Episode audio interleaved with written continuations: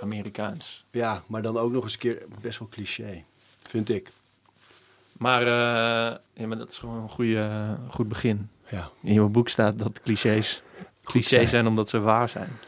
Nou, ik denk op het gebied van gezondheid moet je durven clichés te omarmen. Want hoe vaak hoor je niet mensen die zeggen... ja, nee, dat, ik weet wel dat ik de trap moet nemen in plaats van de lift... en ik weet wel dat ik de fiets moet nemen in plaats van een scooter... of, eh, of juist ver moet parkeren van de ingang van de supermarkt... in plaats van heel dichtbij. Alleen, je doet het niet. Nee.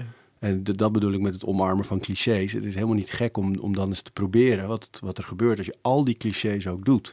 Al die dingen die waarvan mensen zeggen, ja, dat zou je eens moeten proberen. En dan, eh, dan voel je je beter. Of dan heb je wat wind in de zeilen van, eh, van een begin aan een gezonder leven. Ja, Ja, probeer het maar eens. Helemaal niet gek, clichés af en rust, toe. rust en regelmaat. Ja, het zou wel tof zijn om een keer een boek te maken met gewoon vol, vol met clichés. Ja. En hoe je die dan kan doen. Nou ja, maar weet je dat, kijk, in taal en in, eh, in vragen en, en al dat soort dingen zijn clichés natuurlijk kut. Alleen, ik denk op het gebied van gezondheid en beweging en zo is het helemaal niet, eh, ja, die, die moet je echt omarmen juist. Ja. Heb je de trap genomen net? Ja. ja, maar weet je wat het ook is? Dat is soms ook, is ook een voordeel. Als je over dat soort dingen veel schrijft en veel vertelt en met die gyms en zo. Kijk, als daar, eh, er stond een jongen bij de uitgang zo'n beetje en die eh, zei, hé hey, Arie.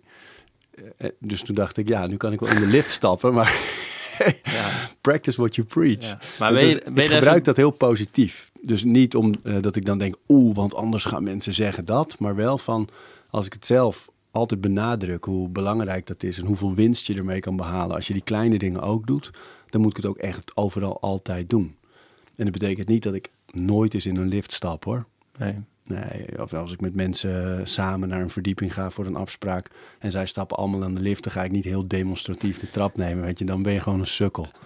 Alleen, eh, ja, wel eh, op dat soort momenten wel. En ik doe het sowieso vaak. Vanmorgen heb ik eigenlijk alleen nog maar gefietst hier naartoe en, Ja. eh, en die trap gepakt. Ja. En trainen doe ik pas vanmiddag. Dus ik vind het ook wel lekker om dan even te bewegen voordat ik in zo'n gesprek ga. Ja, precies. Alleen, maar je doet het dus niet... Je doet het dus niet omdat je Arie Boomsma bent. nee. nee, maar het werkt wel zo dat... Maar heeft het dan te maken met... Want ja, dat is, een, dat is... Volgens mij is dat ook een cliché. Of dat zeggen heel veel mensen. Of het is gewoon waar. Dat als je heel vaak over dingen schrijft... Dat je daar dus op een andere manier in je hoofd mee bezig bent. Net zoals Geloof ik wel. Geloof wat, ik wat wel. fitnessbloggers de hele tijd, omdat ze heel veel erover schrijven en dingen uitzoeken en proberen uit te leggen aan mensen, ja, dan zou het heel raar zijn om het dan zelf niet, niet te, doen. Ja. Ik denk wel dat je een goede coach nog kan zijn als je zelf misschien geen topspeler was. Dat, dat wel. Dus dat is een beetje hetzelfde hoekje Ja. natuurlijk. Alleen, ik denk wel als je, voor mij helemaal op social media, gaat alles om geloofwaardigheid. Dus eh, als ik mensen volg, dan volg ik ze of omdat ik ze ken, of omdat ik iets van ze kan leren, of omdat ze een blik ergens op hebben die ik zelf niet heb. Of Mhm. Het moet me iets geven eigenlijk vooral. En als, dat, als ik niet geloof, wat je natuurlijk heel veel ziet, Ja. van mensen die met allerlei spirituele teksten en inspirerende dingen eh, smijten. Terwijl ik denk, ja, eh, waarom jij? waarom zeg je dit? Ja. Dan, en ik geloof je niet, dan, ja, dan ben ik weg. Dus ik vind wel dat je op het moment dat je inderdaad zegt van nou, ik maak een boek over, over gezonder leven. Met allerlei tips en tricks en inzichten van 30 jaar verzameld. Dan, dan wil ik wel dat het ook echt zo is in mijn leven. En dan moet Ja. ik niet, eh, ja, er is niks ergens dan hypocrisie. Maar is het dan, ehm, is, is, is dat boek Fit dan heel makkelijk schrijven, omdat het eigenlijk allemaal in- al gebeurt in je leven en al in je hoofd zit? Ja, dit was wel voor mij, want ik heb dit is al mijn dertiende boek en ik heb eh, nog nooit zo het gevoel gehad dat het klopte. Dus altijd heb ik wel. Ja, het is eh, heel grappig, want ik dacht al, ik, toen ik het, toen ik eh, hoorde dat jij dit boek geschreven had of, of aan het schrijven was en het ging komen, toen dacht ik, huh, maar Arie Boomsma heeft toch al dit boek geschreven? Dat is een beetje, ja, maar dat was dus niet. Ik heb één keer, ik heb twee Ja, boeken Beweeg. eerder over. Ja, beweeg met mijn broer Ja. en, eh, en eh, kennis ook van trainers van Vondel Gym.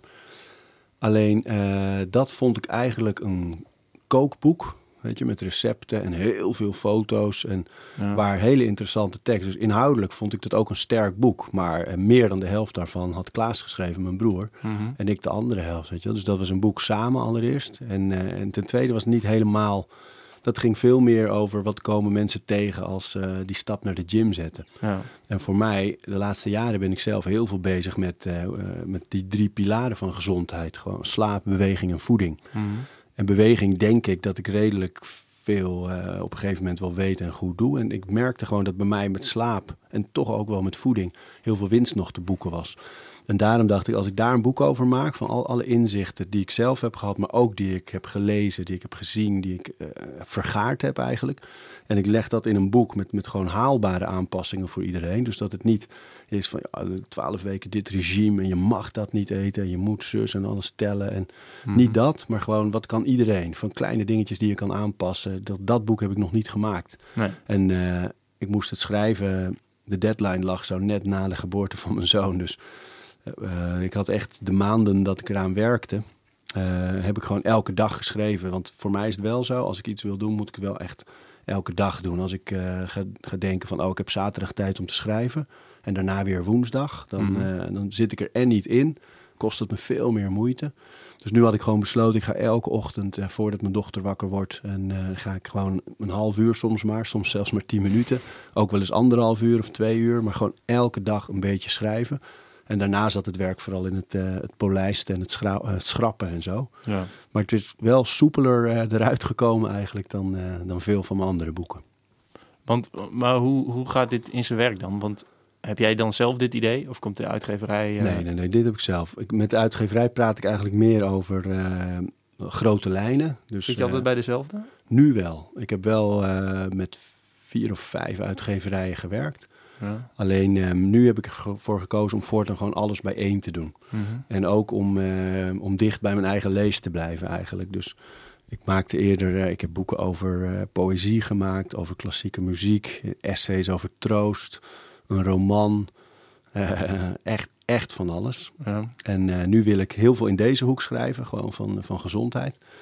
En, uh, en die poëzie blijf ik wel doen. Eens in de zoveel jaar een bundel met gewoon wat ik mooie gedichten vind in een bepaald thema. Mm -hmm. En dat snappen mensen dan ook niet altijd, maar dat vind ik gewoon heel erg leuk om te doen. Ja, maar dat, dat maakt toch ook niet zo heel veel uit. Ik bedoel, die andere boeken waren die niet dicht bij je lees dan?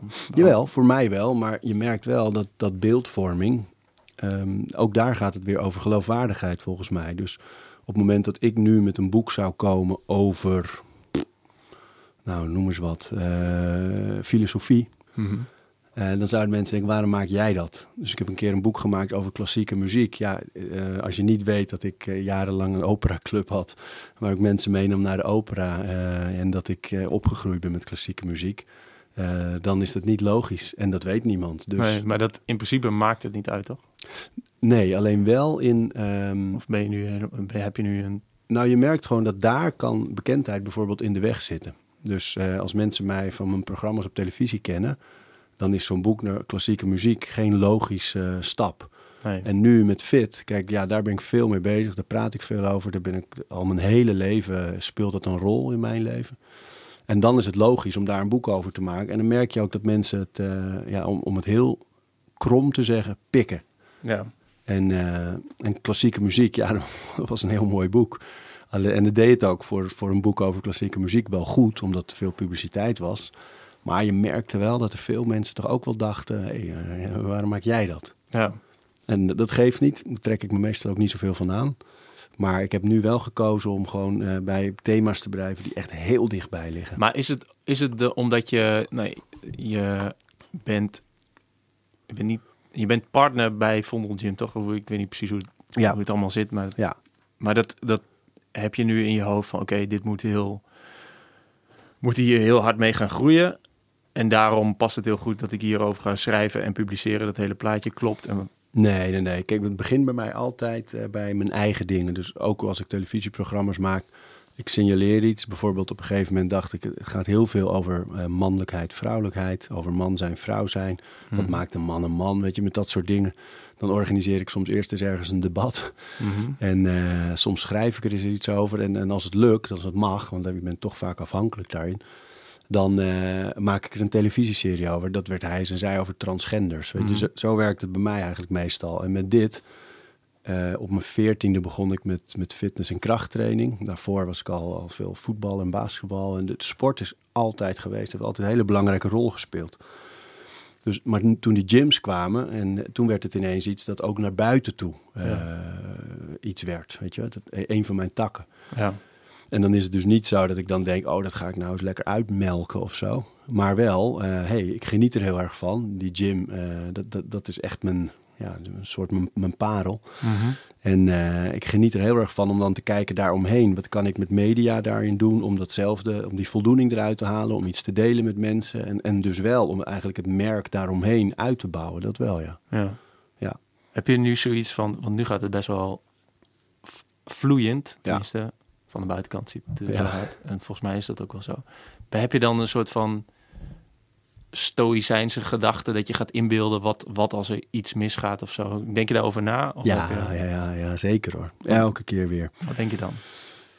Nou ja, je zegt stoïcijns, dat vind ik het, het mooie aan, eh, aan die stroming toevallig, is dat, dat het goed is om je ook je angsten te visualiseren. Ja. En vervolgens, in mijn geval, probeer ik die dan ook wel los te laten.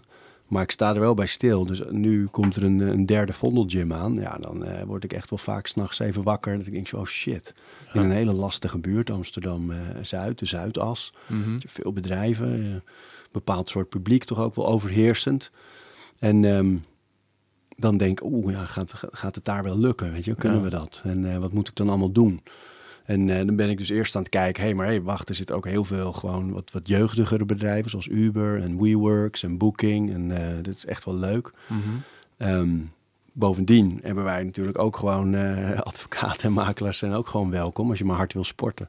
En, die komen er misschien nu toch, ja, ik weet niet. Die komen er nu ook wel hoor. Ja. Ik heb altijd het idee dat Amsterdam-West, Amsterdam-Oost, ja, dat zijn echt twee hokjes die ik in mijn hoofd heb. Ja. Dat het gewoon twee verschillende type Amsterdammers zijn. Ja, dan Ja. is wat, wat er rondloopt. Nou, mijn angst zat er vooral in eigenlijk dat ik dacht, het is niet een buurt met een hart. Dus eh, Amsterdam-West, Amsterdam-Oost, die hebben een eigen dynamiek en een eigen hart. Dat is, Ja. dat is echt een buurt, Ja. allebei. En eh, de Zuidas nog niet. Er wonen wel steeds meer mensen en er komen heel veel mensen. Maar je moet wel op een andere manier daar eh, mensen deel van je concept maken. En kijk, het doel van Vondelgym is altijd om het gevoel van een sportvereniging te hebben... waar sociaal heel belangrijk is dat mensen elkaar groeten... dat je hard komt trainen, maar dat je ook even iemand toeknikt in de, in de kleedkamer... of een Mhm. praatje maakt. Ja. Echt een sportvereniging. En of dat dan lukt in zo'n buurt zonder al te veel sociale cohesie... dat is wel een van mijn zorgen dan altijd. Maar dan ga ik meteen ook, weet je, als ik die zorg zo heb... dan ga ik ook meteen nadenken, hoe kunnen we het een unieke plek maken? Dus nu heb ik bedacht, er komen geen stoelen in het pand. Het is helemaal zoals de bedrijven daar allemaal bezig zijn met vitaliteit en met sta-bureaus. En gaan we daar helemaal geen stoelen doen. Je kan wel zitten, bijvoorbeeld op een blok hout of op een, eh, of op een bal. Of Ook geen barkrukken en zo. eh. geen barkrukken, nee. Maar je kan wel in de horeca blijven eten. Maar dan zit je waarschijnlijk op een, eh, liggende boomstam of zo. Daar zijn we nu over bezig wat dat dan allemaal moet worden. Maar Maar ja. Dus zoiets. En er komt een klein auditoriumpje in dat je wedstrijden kan streamen. Maar dat bedrijven daar ook presentaties kunnen geven aan een afdeling of aan, eh, of aan klanten. Mhm. Je kan vergaderen daar staand of, eh, of zittend op het hout. Ja. Maar dus de- zo ben ik dan bezig met, en samen met mijn partners hoor, steeds van gedachten aan het wisselen over eh, hoe kunnen we daar een unieke plek van maken die wel weer net ook iets nieuws biedt, terwijl we wel heel dicht bij die, die, die disciplines blijven die we nu aanbieden. ja, maar dit is wel bijzonder, want de beslissing is al genomen, neem ik aan. Ja. Ik bedoel, ik, Ja. ik heb foto's gezien dat het nu, Ja. het is nu leeg. Ja. Dus je hebt al gekozen voor die locatie, Ja. voordat je eigenlijk een soort invulling hebt gegeven aan... Ja, kijk, ik kies, we kiezen eigenlijk voor die locatie op het moment dat we weten, oké, we hebben een plek die groot genoeg is, waar het concept is zo bedacht dat alles wat er gebeurt, crossfit, kickboksen, eh, eh, yoga, hardlopen op de banden, eh, alles moet in één ruimte zijn. Mhm. Dat moet overal. Dus als ons een plek wordt aangeboden met meerdere verdiepingen of zo, dan zeggen we altijd nee, dat is Mhm. niks voor ons. Deze plek is eh, precies weer zoals ook de, de plek in Oost. Dus één grote ruimte waarin alles kan gebeuren. Dus dat is eigenlijk dan, oké, en willen we in die buurt? Ja, we willen wel ook dat deel van Amsterdam dekken. Dus dat zijn eigenlijk de redenen dan op een gegeven moment om te zeggen, ja, we gaan dit doen. Mhm. Dan gaan we kijken hoe kun je nog binnen die disciplines en binnen wat er staat en wat Vondelgym Vondelgym maakt, eh, echt daar een unieke plek van maken met net weer even dingetjes die je niet kent nog. Of die anders zijn dan wat anderen doen. Ja. Daar gaat het dan om. Maar inderdaad, de, de eerste beslissing is al eh, eerder genomen. Ja, vet. Even, Ja, even terug naar je boek. Waarom... Ik, ik, ik zit altijd met een, met een moeilijke gedachte. Aan de ene kant vind ik dat mensen fit moeten zijn. Aan de andere kant denk ik, ja, moet je lekker zelf weten. denk ik ook hoor. En eh, eh, ja, dat is dus mijn vervolgvraag. Wat, hoe, hoe sta jij daar tegenover? En aan de andere kant vind ik, als je dan fit wil worden, moet je niet allemaal van die domme dingen. Die- nee, nee, dan moet je eigenlijk, eigenlijk vind ik heel vaak dat je heel veel dingen niet moet doen. En dan blijft de essentie Ja. wel over. En dat, ik lees dat ook een beetje terug in, in, die, in jouw boek. Ja, Want het is eigenlijk, het is een klein boekje eigenlijk. Best ja je wel. bent er zo doorheen. Ja. En er staan eigenlijk drie soort van pijlers of punten in. Hoe, ja, hoe, hoe kijk jij daar? Nou, ik ben het met je eens. Kijk, in die hoek, dus de hoek van fitness, gezondheid, eh, voeding, noem het allemaal maar op. Laten we maar even de health hoek noemen. Daar gaat het veel te vaak over je moet dit en je mag dat niet. En als je dit regime volgt, dan is dat het resultaat. En het is eigenlijk altijd het, het verkopen van een illusie. Maar het is wel een haalbare illusie. Weet je, jij weet, je hebt het ook ervaren, dat als je de discipline hebt om in twaalf weken lang heel streng te zijn op je eten, heel hard te trainen, goed begeleid te worden, goed, goed te programmeren, dat je extreem resultaat kan behalen. Het Ja. kan. Ja, Dus die illusie is wel haalbaar. Alleen voor de meeste mensen is het natuurlijk niet zo dat als je, eh, als je daar ligt eh, met je lekkere buik op de, op de bank eh, en, en je leest dit en je zegt hey, 12 weken en, en dan sta ik in een sixpack in, mijn, in mijn speedo's op het strand. ja. Dat is natuurlijk niet zo. En dat hoeft ook niet. En ik denk dat daar voor mij in ieder geval altijd heel erg zit. Ik wil kennis delen, ik wil mensen aanreiken. Maar het begint natuurlijk wel met dat ze het zelf moeten willen. Dus die mensen die zeggen, ja, maar het moet wel leuk blijven hoor. Of ja, maar het moet wel gezegd. Ja, maar ik hou zo van, ja, wil je het of niet? Er staat niemand met een pistool op je hoofd die Nee. zegt, kom op, je moet. nee, precies. Dus, dus dat vind ik wel een uitgangspunt. En als mensen me vragen, voor wie is dit boek? Dan zal je me ook niet horen zeggen, voor iedereen. Ik vind dat je wel een doelgroep moet kunnen kiezen. En in dit geval is het wel de groep die denkt, oké, ik, ik wil gezonder leven. En ik ben misschien best wel goed bezig. Mhm. Maar ik kan wel wat tips en tricks gebruiken om nog meer aanpassingen te maken. Dat, het me, dat ik het volhoud, dat het me wat makkelijker wordt gemaakt. En dat het niet, eh, niet te streng is allemaal vooral. Want er hangt Dus zo dat- weinig humor ook omheen in die wereld. Ja. Dus het is eigenlijk voor mensen die snappen dat ze, dat ze niet een hele extreme stap of heel veel stappen moeten Ja, zetten in het begin. Kijk, weet je, jij en ik hebben, er, hebben wel wat aan dit boek, omdat het ook, weet je, met slaap en met voeding en met eh, dingen die je bijvoorbeeld op vakantie kunt doen eh, qua trainen. Dus, dus, of als je kinderen hebt, of als je het heel erg druk hebt met je werk. Dus dat is allemaal wel handig, denk ik, voor, voor iedereen. Maar nog steeds is het zo, je moet wel, er moet een uitgangspunt zijn van ik wil aan de slag. Ja. En ik wil dingen veranderen. Of ik ben ergens ontevreden over. Of ik vind dat ik als ik 40 ben eh, geen pijntjes hoor te hebben. Of ik vind dat ik als ik een lange werkdag heb gemaakt niet moe hoor te zijn als ik thuis kom. Of eh, dat ik vakantie nodig heb. Weet je, dat zijn Ja. allemaal dingen die mensen maar accepteren. Die natuurlijk helemaal niet eh, kloppen eigenlijk. Ja, ik vind dat best wel lastig, omdat als je niet anders... stel je bent iemand die, nou, misschien eh, ehm, ooit een keer een sport heeft gedaan en op eh, de middelbare school een beetje meedeed met de gymles. En voor de rest een beetje is het al misschien wel al twintig jaar zo. Dan is het heel, denk ik, heel lastig voor te stellen hoe het ook kan zijn. Ja, En ja, lijkt het me heel lastig voor, ja, ik zeg dan dat soort mensen. Dat klinkt heel stom. Maar om je dus voor te stellen dat het, Ja. eh, ja, wat fit zijn is. Omdat je, je weet, dat, weet je niet. nee, Dus je dan- kunt het je niet voorstellen en je kan je al helemaal niet inbeelden dat het voor jou zo kan zijn. Nee, En daarom denk ik, is het belangrijk als je, als je bijvoorbeeld zo'n boek maakt of op een andere manier bezig bent met kennisdeling, om het altijd eh, van betrekking te laten zijn op het leven van juist van die mensen. Dus dat het inderdaad niet gaat over zo snel mogelijk naar een sixpack, zo snel mogelijk grotere packs, Mhm. eh, zo snel mogelijk een bikini of wat dan ook, maar veel meer aan uiterlijk eventueel als gevolg van wat je doet, maar niet als doel. En, eh, en ik denk juist voor die mensen is het zo van, eh, wat merk je wel in je leven? Dus als je merkt, hé, hey, wacht eens even, ik, ik ben nu boven de 35 en ik heb ineens rugklachten heel vaak. Mhm. Of ik, eh, ik zit veel met mijn werk en ik merk dat mijn nek altijd vast zit. Of ik heb een muisarm, of ik, ben, ik loop tegen een burn-out aan. Of ik, ik heb niet de energie om met mijn kinderen te spelen als ik thuis kom. Dat zijn dingen waar je iets aan kan doen. Ja. En, en dan is je doel ook meteen haalbaar. Van, dan, ik wil ervoor zorgen dat ik daar wel energie voor heb. Dat ik wel recht blijf staan. Dat ik geen pijntjes heb. Ja, dan moet je in beweging komen. En beweging kan ook gewoon zijn... eh, zorg dat je elke dag een half uur stevig wandelt. Of, eh, of lekker fietst. Ja. Of een van de andere clichés omarmt. om maar even terug te grijpen. ja, dat is wel waar. Maar denk je dat in een ideale wereld dat er een, eh, een, doe ik ook weer air quotes, fitnessbranche is. In de ideale wereld hoeven we er toch helemaal niet zo druk mee te zijn, maar is het een onderdeel? Nee, weet je wat dat volgens mij, dat ben ik met je eens. Kijk, vroeger...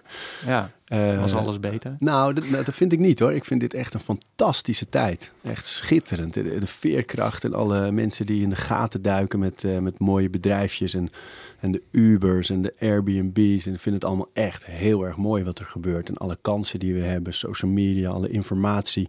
Schitterend. Alleen nog veel meer vroeger dan voor mij vroeger is, was het natuurlijk zo dat we stonden meer. Eh, we werkten veel meer fysiek. Eh, Mhm. We bewogen veel meer natuurlijk, omdat er minder, sowieso minder gezeten werd natuurlijk al. Dus er waren veel meer manieren. Eigenlijk hoe verder de technologie ontwikkelt, Ja. hoe meer we zitten en hoe minder we bewegen. Die technologie, hoe mooi het ook is, En heeft hoe minder ook, we slapen natuurlijk. ja, Ja. heeft het onnodig gemaakt om, om te staan en, te, en, en arbeid te leveren en zo. Dus dan is er ineens een noodzaak om, om zelf eh, met beweging bezig te gaan. Zie daar de fitnessbranche. Ja. Maar inderdaad, als het zo was dat wij genoeg staan, genoeg bewegen, eh, niet al te veel zitten, langs goed slapen, en goed eten. In een normale samenleving zou je dan helemaal geen fitness nodig hebben. Nee, dan zou het hoogstens een, een vermaak kunnen zijn. Ja. Maar niet noodzakelijk, nee, Ja, zeker niet. Ja, want die, die gedachte ge- bekruipt me nog wel eens als ik eh, vier keer achterhaling aan het doen ben. Dan denk ik, ja, ik had ook iets nuttigs met deze, met deze arbeid kunnen doen eigenlijk. Eigenlijk had ik gewoon werk kunnen doen. Ja, maar dat merk ik heel erg aan jouw gelukkig eeuwigdurende zoektocht in die, in die hoek. Nee, ik zie, jou, ik zie dat bij jou ook gebeuren. Ik vind, ik vind dat ook mooi. Je houdt niet van het monotone eigenlijk. En, eh, of monotone. En je houdt ook niet van de simpelheid die er soms nodig is om eh, inderdaad in een soort routine te belanden. Nee, Dat is ook zo. En ik denk, ik, ja, als het kan, hè, als het lukt. Kijk, progressie is het makkelijkst met een schema. Want dan kan je Ja. namelijk zeggen, ik begin daar en ik doe dit drie, vier, zes weken en dan ben ik hier. Mhm. En dat is heel makkelijk te meten, want ik doe elke keer min of meer dezelfde dingen en ik kan het bijhouden. Dus dan is progressie goed te meten. Dus logisch dat mensen die vier keer achterhalingen doen of wat dan ook. ja. Maar eh, als het zo zou kunnen zijn dat je, en dat doet denk ik de sport CrossFit bijvoorbeeld heel goed, dat er zoveel afwisseling is dat bijna elke dag anders is, maar tegelijkertijd wel. Je werkt aan uithoudingsvermogen, je werkt aan kracht, je werkt aan souplesse, je werkt aan, aan constante ontwikkeling eigenlijk wel, zonder dat het saai wordt. En denk dat daar, kijk, ik hou heel erg juist van het, eh, nou saai is het verkeerde woord in dit geval, maar wel heel erg van de routines die sport met zich meebrengt. Omdat voor mij is het moment dat ik mijn hoofd stil heb, dat ik, eh, dat ik juist alleen maar bezig ben met dingen eh, ja, doen, echt Mhm. doen en herhalen. En daar zit voor mij een hele bijna meditatieve eh, Ja, ik heb wel functie in. de belangrijkste tip in jouw boek heb ik opgevolgd. Ehm, doe ik 9 van de 10 keer. 1 van de 10 keer niet. Is dat ik, want eerder nam ik altijd mijn telefoon mee in de gym. Oh ja, ja, ja. Ook ja. omdat ik daar heel vaak mijn schema op heb. Ja. Maar ook omdat ik twee minuten rust eventjes iets ging doen op mijn telefoon. En volgens mij staat het in je boeken, volgens mij zei je dat laatst ook. Van ja, ik neem hem niet mee in de gym. Nee, Omdat ik dan, ik ben aan het trainen. ja, ik wil juist weg ervan even. Ja. Ja. Maar het is heel chill om die, die twee minuten rust of die andere soort rust. Of ja, dat je dan lekker Ja. niet op je telefoon kijkt en Ja. gaat zitten nadenken. Maar weet je, kijk, dat vind ik echt een van de meest fascinerende dingen. Ik reed net, stond ik bij een eh, verkeerslicht te wachten en dan zie je mensen stoppen bij dat verkeerslicht in de auto. En stoppen betekent, pak je telefoon even. Ja. Vul Ja. elk moment in. Moet ik ergens even op wachten? Sta ik in de rij bij de kassa? Sta ik te wachten in het postkantoor? Wie daar nog naartoe gaat? Waar dan ook, hup, telefoon. Ja. Dus mijmeren, nadenken over, of zoals bij sport, even luisteren naar je lichaam. Nadenken over je volgende set, nadenken over eh, techniek, observeren. Dat zijn allemaal hele waardevolle dingen eigenlijk, die je gewoon in veel gevallen gewoon aan de kant schuift, omdat die telefoon meteen daar is op elk dode moment. Ja, die, ja, inderdaad, die is er bij je. En als je hem niet mee hebt, dan voel je je als soort van naakt en, en eh, kwetsbaar. En, eh, paniek. Ja, Ja. maar, ja, maar dat vind ik ook. Sowieso in het, in het verkeer. Ja, ik, ik, ik vind het gewoon...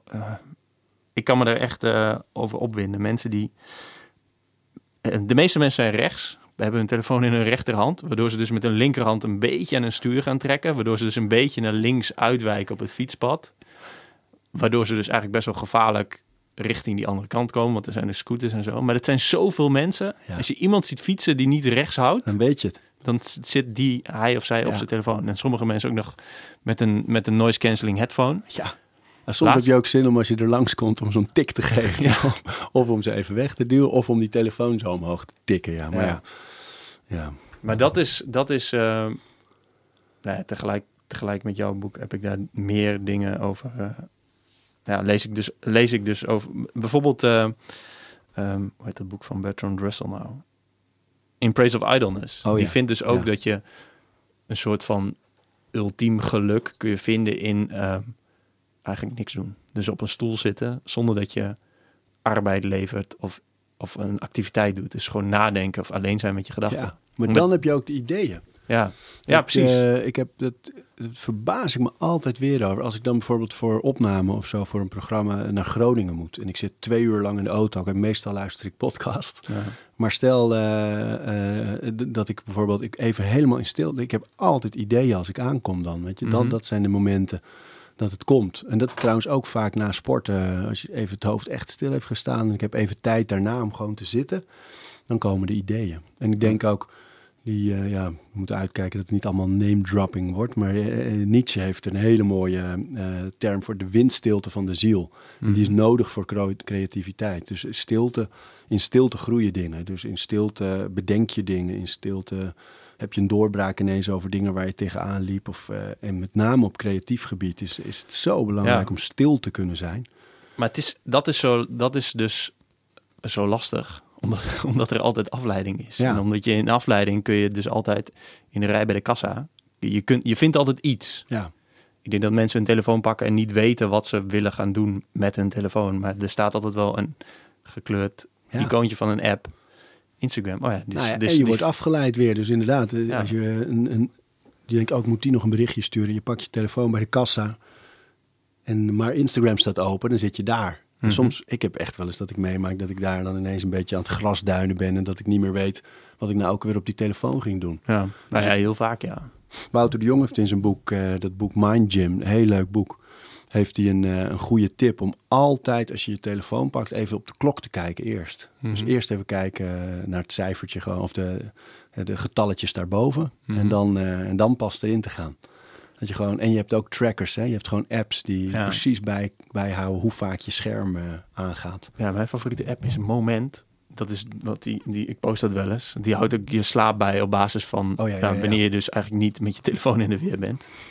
En, maar ook eh, het aantal minuten dat je ermee bezig bent. Maar wat mij het meest heeft geholpen is, ehm, en dat duurde best wel lang voordat ik dat deed, is te, als ik mijn telefoon pakte, aan mezelf ging vragen, oké, waarom pak je je telefoon? En heel vaak was het antwoord, weet ik niet, en dan legde ik hem weer weg. Terug. En dan, ja, zo gaan Ja, zo maar jij hebt een goede discipline. Ja. Het scheelt zoveel en je denkt over die dingen na. En voor de meeste mensen is het natuurlijk gewoon gewoonte. Ja. Dus ja, wat zou je anders doen als je daar staat in de kassa? Weet je, observeren. Ja, mensen, wat moeten we Ja, dan naar kijken? Ik denk dat het ook met, met een soort van ziekelijke drang naar efficiëntie te maken heeft. Eh, ik, ik postte op Twitter gisteren volgens mij nog. Ik was best wel. eh, ik had een abonnement op de app Blinkist. Blinkist maakt luister- en luisterversies van boeken en eh, samenvattingen van boeken van een kwartier of zo. En dan kun je een boek lezen in een kwartier. Alleen juist met het lezen van een boek, dat hoeft helemaal niet efficiënt te zijn. Nee, Juist moet je daar lang in zitten, omdat je dan, je kunt het dan even wegleggen ja. een stukje teruglezen. Je, je verdwaalt een beetje terwijl je aan het lezen bent. Denk je, oh ja, shit, ik moet weer even terug. Ehm, ehm, misschien leg je hem wel een week lang weg en dan ga je erover nadenken. Kom weer terug, dan heb je weer een ander inzicht. Ga je hem nog een keer lezen. Dat, zo vind ik, mensen moeten het zelf weten, maar zo vind ik dat je een boek moet lezen. ja. En terwijl, en, en al die, bijvoorbeeld Blinkist, wat een hele mooie app is en je, ja, je, je kunt er ook best wel wat aan hebben, heeft, zegt van ja, eh, eh, belangrijke CEO's lezen 60 boeken per, eh, per jaar en jij kan er nu eentje lezen in een kwartier. Ja, wat een hele mooie belofte is, maar dat, dat Zo is ook weer die efficiëntie. Ja. En dat is, dat is volgens mij ook dat, dat, dat zit er zo erg ingeslepen dat mensen inderdaad een e-mail checken in de rij bij de kassa Ja. of op de fiets. ja. Dat is, ja, het is eigenlijk het is best wel. Nou, en, triest of zo. nou zeker. Echt zeker, ja. Het, het langzame denken, dus het eh, denken wat nodig is voor lezen, voor kunst bekijken, voor dingen waar je echt de tijd voor Klassieke moet nemen. muziek. Ja, ja. Ik heb, heb wel eens sowieso, dus toen ik die operaclub had, eh, nou ja, opera's duren natuurlijk wel vaak vier, vijf uur. Mhm. Als je een goede Wagner, dan zit je echt gewoon eh, vijf uur. en vooraf denk je dan, ja, kut jongen, dat ga ik gewoon niet doen. Wat, wat is dat nou? Ja, ga ik niet aan beginnen. Wat ga ik dan doen al die tijd? ja. Maar op het moment dat je er zit en je komt, in het begin is het ook al wat onrustig. En dan op een gegeven moment kom je erin. En dan, of ik heb wel eens bij een vier uur durend cello-concert gezeten. Gewoon één persoon op een podium en eh, vier uur lang spelen. ja. Ja, je denkt echt een paar keer van, jumige, hoe lang duurt het nog? En eh, alleen uiteindelijk dwingt het je in een soort modus die heel waardevol is in onze tijd, waar alles altijd aanstaat en alles staat altijd op shuffle. Mhm. Als het me nu niet geeft wat ik zoek, dan shuffle ik door. En, en ik denk echt dat uiteindelijk ook in relaties, in werk, in alle andere aspecten van ons leven, we ook op shuffle staan Mhm. inmiddels, omdat je zo gewend bent. Geeft het me voldoening? Nee, door. Is dit de korte versie en de lange versie? Kies ik de korte versie. Terwijl er zit waarde in soms ergens doorheen moeten. En ik denk echt dat, dat sport en met name krachttraining en, eh, en, en het afzien en het, het eh, grenzen verleggen, dat daar allemaal bij hoort. En het soms ergens misschien doorheen moeten, terwijl je eigenlijk denkt ik wil stoppen. ja. Dat heeft allemaal waarde ook qua karakter bouwen, die in veel andere delen van de samenleving weg zijn. Dus dat je bijvoorbeeld veel hoort nu mensen beginnen aan een studie, stoppen, gaan naar het volgende. Oh, dit is het ook niet. Beginnen aan een baantje, een paar maanden later, nee, toch maar niet. Mhm. Je wel heel erg zoeken en in relaties ook. Van, Ja. eh, Gaat het even niet goed, weg. Ja. Volgende.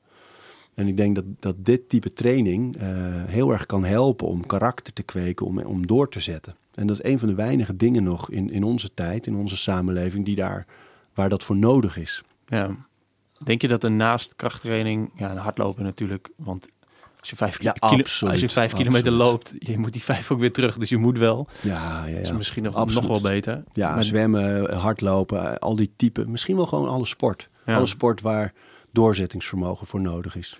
Ja, ik vind het dus het lastigst.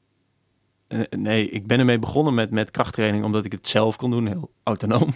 Ja. Ehm, en eh, een soort eigen project, wat, wat mooi is. Je hebt dezelfde regie en je ziet dus ook groei. Ehm, maar wat ik het dus nu moeilijk aan vind, is dat ik ook heel gauw eh, tegen mezelf kan zeggen: Oké, nu is het wel, wel goed. Ik, ja, ik ga inderdaad, ik shuffle naar niks doen. en eh, wat ik dus, wat dus bijvoorbeeld CrossFit is, ja, je, gaat niet, je gaat niet op de helft stoppen met CrossFit. Of bij een andere sportvereniging. En bij hardlopen ga je ook niet. Wat ik zeg, als je een rondje doet, ja, je moet toch terug. ja. Dus je gaat niet stoppen. En ik merk dat bij mij is dat nu zo veranderd dat ik ja, eerder dat soort dingen nu ga doen. Ehm, en ik weet niet of ik door, de, door mezelf of door de omgeving of allebei ben beïnvloed. Maar ik vind het dus heel lastig worden. Om, om, Om te kiezen waar je... nee, om, om, om krachttraining, eh, om die discipline nog te hebben voor krachttraining. En, en dat is dus ook, en daarom ehm, denk ik dus ook dat heel veel mensen krachttraining proberen En afhaken. en afhaken omdat ze het of alleen doen, Ja. of ze doen iets wat ze eigenlijk niet snappen, of ze zien niet snel resultaat, of ja, noem maar. eh, Ja, maar dat zijn Reden. al best wel allemaal hele goede redenen voor, voor veel mensen. En ik denk vooral ook dat resultaat. Ja, het is natuurlijk een hele geduldige sport. En als je hem net niet goed uitoefent, dan is het Mhm. resultaat ook minder. Ehm, en het is ook nog eens zo dat hoe regelmatiger je bent, hoe beter het, eh, het is. En als mensen bijvoorbeeld in zo'n maandag, woensdag, vrijdag ritme zitten. ja. En je mist die woensdag en donderdag en dinsdag stonden al helemaal vol. Mhm. Ja, dan heb je ineens maar twee dagen. En dan denk je, ja, ja, heeft het dan zin om vrijdag? Nou ja, misschien ga ik dan wel even zaterdag. Oh nee, dan heb ik dit. En ineens ben je maar één keer in die week geweest. Dan is je ritme weer weg. Ja, en, en plus dat ik bijvoorbeeld, dat had ik zelf eh, afgelopen week, dat ik weer, eh, ik ben weer lid geworden van de swimgym, want ik wilde weer zwemmen. Ik dacht, ah, ik ga zaterdag. Oh nee, ah, ik ga zondag wel. En dan nu, eh, vandaag is het eh, woensdag. Ja. En ik ben nog niet geweest. Ik heb wel andere dingen gedaan. En ehm, ehm, ja, ik beweeg iedere dag. eh, ja, ik beweeg iedere dag. En dan nog heb ik zelf een soort van schuldgevoel van ja, sukkel, weet je, niet ben geweest. Dus ik snap dat. ehm, ja, dat is ook best wel lastig met dat soort commitments. Maar ik denk echt, alles valt en staat bij ritme. En op het moment dat je een vast ritme hebt, dan, dan opent er ook van alles op in je agenda. Mhm. Ik merk echt dat op, op het moment dat je bijvoorbeeld vooraf de week al plant waar je trainingsmomenten zitten. Ja. Zodat je precies weet, oké, eh, maandag moet ik vroeg, dinsdag ben ik daar, eh, woensdag daar, donder, weet je wel. Dat je gewoon echt in je agenda schrijft, dan, dan en dan en dan en dan. Dan is het een soort anker in je tijd. Ja. En dan, ehm, dan, dan geeft het ook heel veel structuur voor de rest. Ik heb het gevoel altijd dat juist door sport en juist door de regelmaat van trainen... ehm, heel veel andere dingen kan doen. En de energie ervoor heb, maar ook gewoon de tijd heb. Omdat het om die sportmomenten heen gebouwd is. Er zit heel veel structuur in de agenda. En ik denk sowieso, kijk, het lastige is, je wil voor je, voor je brein, wil je constant nieuwe prikkels. En wil je Mhm. nieuwe ervaringen en wil je eh, impulsiviteit en wil je verrassing en wil je kennis die je nog niet hebt. Maar voor veel andere dingen is juist routine en ritme heel belangrijk. Dus dat is bij mij altijd een soort tegenstelling tussen die twee. Dat ik, ik zoek heel erg naar een vast ritme in elke dag hetzelfde ontbijt. Zo min mogelijk keuzes voordat ik aan de dag begin. Ehm, dat zijn en trainen elke dag. Dat zijn allemaal vaste dingen. En dan zoek ik in de rest van mijn leven eigenlijk heel erg naar prikkels die ik niet ken. Mhm. Dus vaak naar een museum, vaak eh, nieuwe muziek luisteren, documentaires, kennis opdoen uit boeken, mensen ontmoeten. Echt gewoon arena's instappen waar ik niet helemaal op mijn gemak ben, weet je wel. Mhm. Dat, dat vind ik fijne dingen om te blijven mijn brein eh, te prikkelen, maar ook gewoon om, om nieuwe dingen te leren en het gevoel te hebben in beweging te zijn. Maar daaronder ligt die structuur van het ritme. ja. En die, maar is die er al sinds eh, dat je 14 bent? Nee, zeker niet. Nee, zeker niet. Nee, ik had wel, ik heb in Amerika gebasketbald op college. Eh, in totaal zes jaar in Amerika gewoond. En daar was het ritme door een ander bepaald, namelijk de coach. Mhm. En eh, dus daar was het heel helder. We hadden om half zes ochtends de eerste teamtraining. Eh, na de teamtraining ontbijten, dan college. S smiddags om twee uur was er nog een teamtraining. En dan s'avonds om zeven uur individuele training en daarna krachttraining. Jezus. Ja, dus ongeveer vijf, zes uur per dag was wel zo totaal met trainen bezig. En de- de- dat ritme was bepaald. Dus daar Mhm. heb ik wel voor het eerst geleerd. En weet je, dan als het zoveel is, gaat het eerlijk gezegd na een tijd ook tegenstaan. Dat hoor je ook vaak bij topsporters. Die, eh, Ja. Maar vooral ook als je zo jong begint, lijkt mij. ja, maar van- toen was ik ook wel al, eh, wat is het, college? Dus zo eh, van 19 tot 24 of Ah, zo. ja, Dus best wel jong hoor. Oh, je was in Nederland al begonnen met krachttraining en ging... Ja, ik ben gewoon toen ik, eh, ik ben eigenlijk, ik ben in de 70er jaren geboren, maar in, dus in de 80er jaren opgegroeid. Mhm. In films van Rocky. En eh, Oh, ja. daar was bij mij eigenlijk zo die hele romantiek van eh, het, het trainen. Dus waar iedere man de trainingssequenties in Rocky films, de gevechten en de trainingssequenties het mooist vindt, dat had Mhm. ik absoluut ook. Dus als ik die films zag en Ivan Drago die eh, aan het trainen was in Rocky 4 en Rocky in de sneeuw in Rocky 4 en Rocky op het strand met Apollo en, eh, weet je, en de sit-ups en optrekken en dat sprak me heel erg aan. Mhm. En, eh, en als ik met mijn broers daar naar had gekeken of naar de film was geweest, dan gingen we dingen nadoen ook gewoon. Eh, ook het vechten, weet je wel, met washanden om onze vuist en dan kijken of je elkaar een blauw oog kon slaan. Heel voorzichtig. Soms natuurlijk niet zo voorzichtig, Ja. omdat we het stoer vonden. Of als de sterkste man van de wereld op televisie was geweest bij de Tros, dan eh, gingen we ook proberen telefoonboeken kapot te scheuren en, eh, en emmers water op te tillen. Dus die trainingswereld sprak me heel erg aan. Maar, en, Weet je waarom dat zo was? een combinatie van natuurlijk ook gewoon als, als jongetje eh, met een jongetjeslichaam. eh, het mannelijke van een gespierd lichaam en van eh, sterk zijn en Mhm. groter zijn. Ehm, dat sprak me, dat was gewoon de hele platte romantiek van, het, van de spieropbouw. Daarnaast denk ik, maar dat was toen absoluut onbewust, dat het ook iets had met het isolement. dus dat je je afzondert, keihard werkt. Ja. En dan weer naar buiten traint met nieuwe vaardigheden, nieuwe kennis. eh, dingen die een voor, voor, voorsprong gaven op de rest eigenlijk. Ja. In combinatie met gewoon een hele diep gegronde liefde voor sport. Die toen alleen nog in voetbal tot uiting kwam. En, eh, maar wel gewoon elke dag met mijn broers, met mijn vriendjes. Elke dag voetballen na school. En, eh, en daar zat het ook al in dat ik merkte... hé, hey, wacht, als ik nu ook nog in mijn eentje tegen het muurtje ga... of ik oefen met links schieten... of ik eh, probeer zoveel mogelijk op mijn hoofd hoog te houden... in plaats van alleen op mijn voeten. Of, dat ik wel merkte, hé, maar dan word ik beter dan die anderen. Mhm. En, en die drie dingen, die waren voor mij eigenlijk de reden om zo in sport te duiken en een romantiek te ontdekken in ook alleen dingen doen. Mhm. Dus als mijn basketbalteam, eh, als ik dan, als het regende, eh, in, oh, net voor het eten zo, weet je, donker, herfst. Mhm. Eh, en die bal stond te schieten, alleen maar vrije worpen, hup, eh, 100 keer, 150 keer in mijn eentje. Dan had ik het gevoel dat ik een prestatie leverde die me een voorsprong gaf, die me beter maakte. En, en er zit iets misschien wel Calvinistisch in, in het louterende van afzien en ergens doorheen komen. Die spreuk van eh, Joost van der Vondel. Ja, Toch? ja. Die staat er niet voor niks, Ja, toch? Die slaaft en waakt. Ja. En ploegt en zwoegt. Ja, dat, ik vind dat iets heel erg moois. En, en ook, ik denk dat veel mensen dat wel herkennen. Het is denk ik vergelijkbaar met de voldoening die je bijvoorbeeld hebt als je met een groep vrienden een mudrun doet. Of een strong viking. Of weet je wel, door die modder, over dingen heen. Je ziet die, die bekken helemaal vertrokken van die jongens naast je. Je helpt iemand omhoog als die er zelf niet opkomt. Er, er zit iets heel erg moois in, eh, in dat soort overwinningen. Die, eh, en dat heb je in het klein met koud douchen in de ochtend. En in het groot met overwinningen in werk of, eh, of leven. Ja.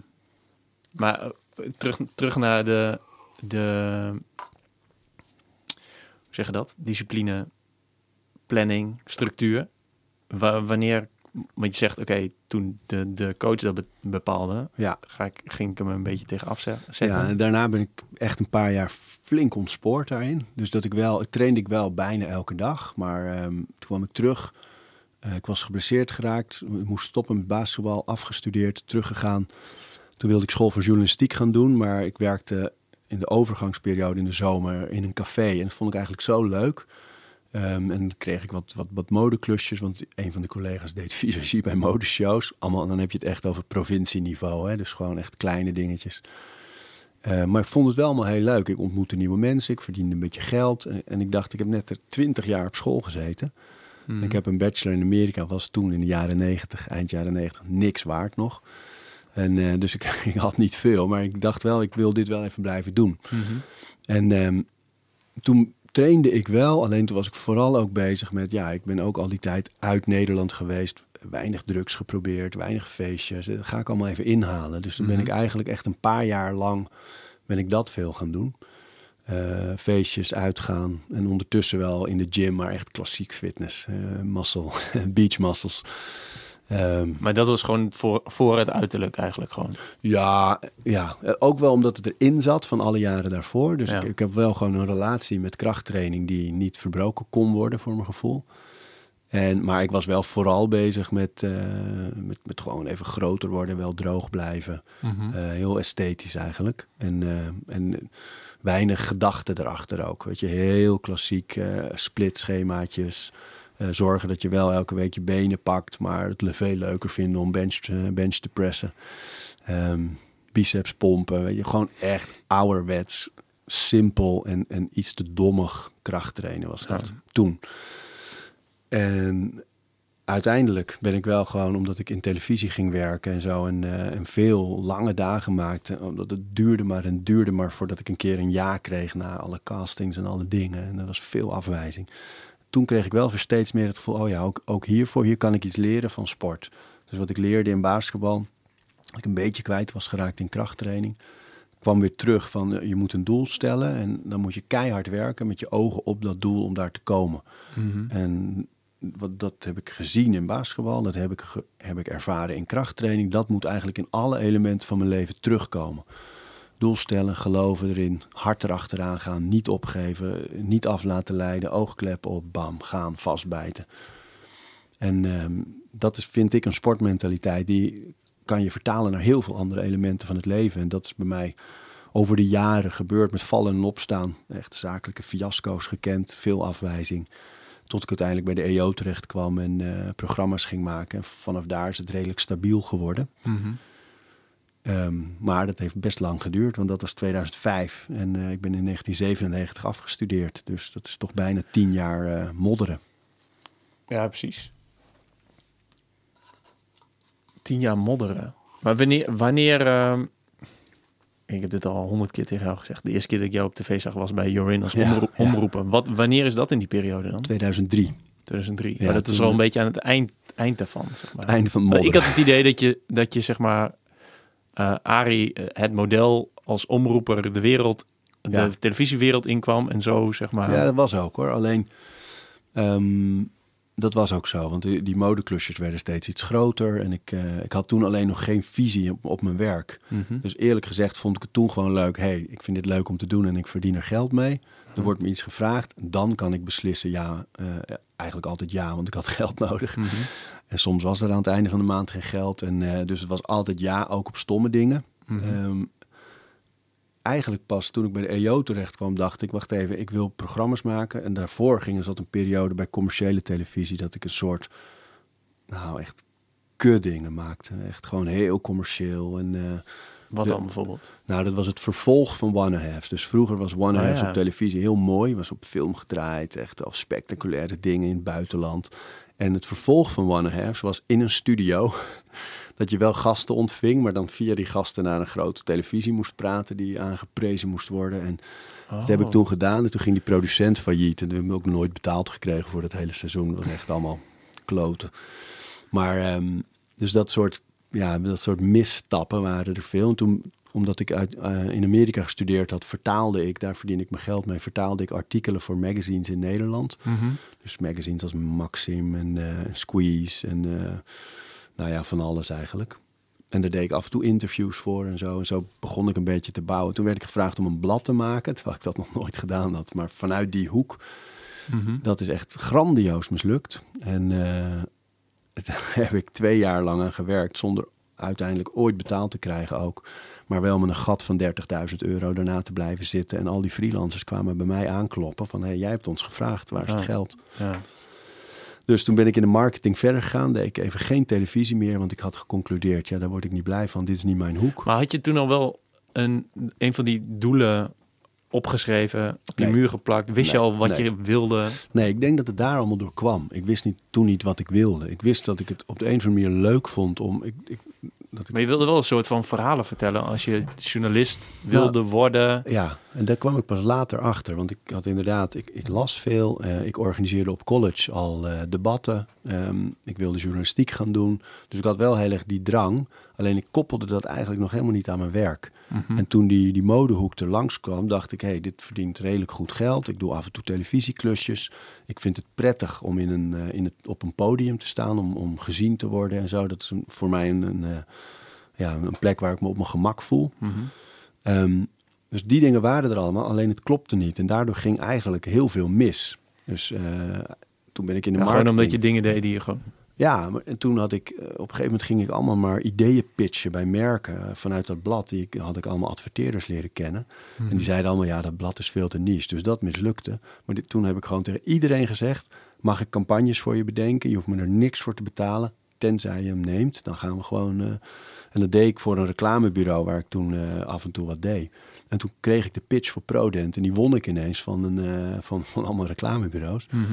Dus dat was een enorme opdracht, waardoor ik een bonus van 35.000 euro kreeg. Toen kon ik ineens die 30.000 euro voor het blad aan al die freelancers nog betalen. Mhm. Dus toen was ik schoon en dat leerde me eigenlijk van nu moet ik echt, echt gaan doen eh, waar ik het gevoel heb dat ik iets bijdraag, waar ik eh, goed in ben.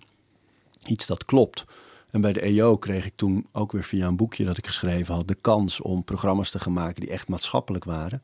En dat was voor mij eigenlijk voor het eerst dat die werelden van debatten, van journalistiek van, en televisie maken bij elkaar kwamen. Dat is ook de eerste plek waar ik mijn eigen programma's eh, kon gaan Maar maken. Welk boek was dat en welk programma? Dat boek heette De Bijbel, wat vind jij? Dat had ik samen met mijn vader geschreven. En dat, dat ging eigenlijk vooral over alle ogenschijnlijke tegenstrijdigheden in de Bijbel. Mhm. Dus eh, er wordt eh, op een gegeven moment heb je wat ze de zondvloed noemen, hè, de grote overstroming met de boot van Noach en dat soort.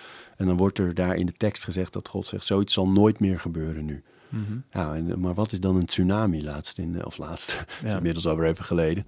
Maar in, in die tijd was dat laatst natuurlijk, toen ik dat boek schreef. Dus, dus allemaal van dat soort dingen. Of, hé, hey, God is toch liefde? Hoe zit het dan met oorlog? Hoe zit het dan met dood? Hoe zit het dan met kindersterfte? Mhm. Allemaal dat soort pijnlijke, lastige, moeilijke vragen en daar onze gedachten over.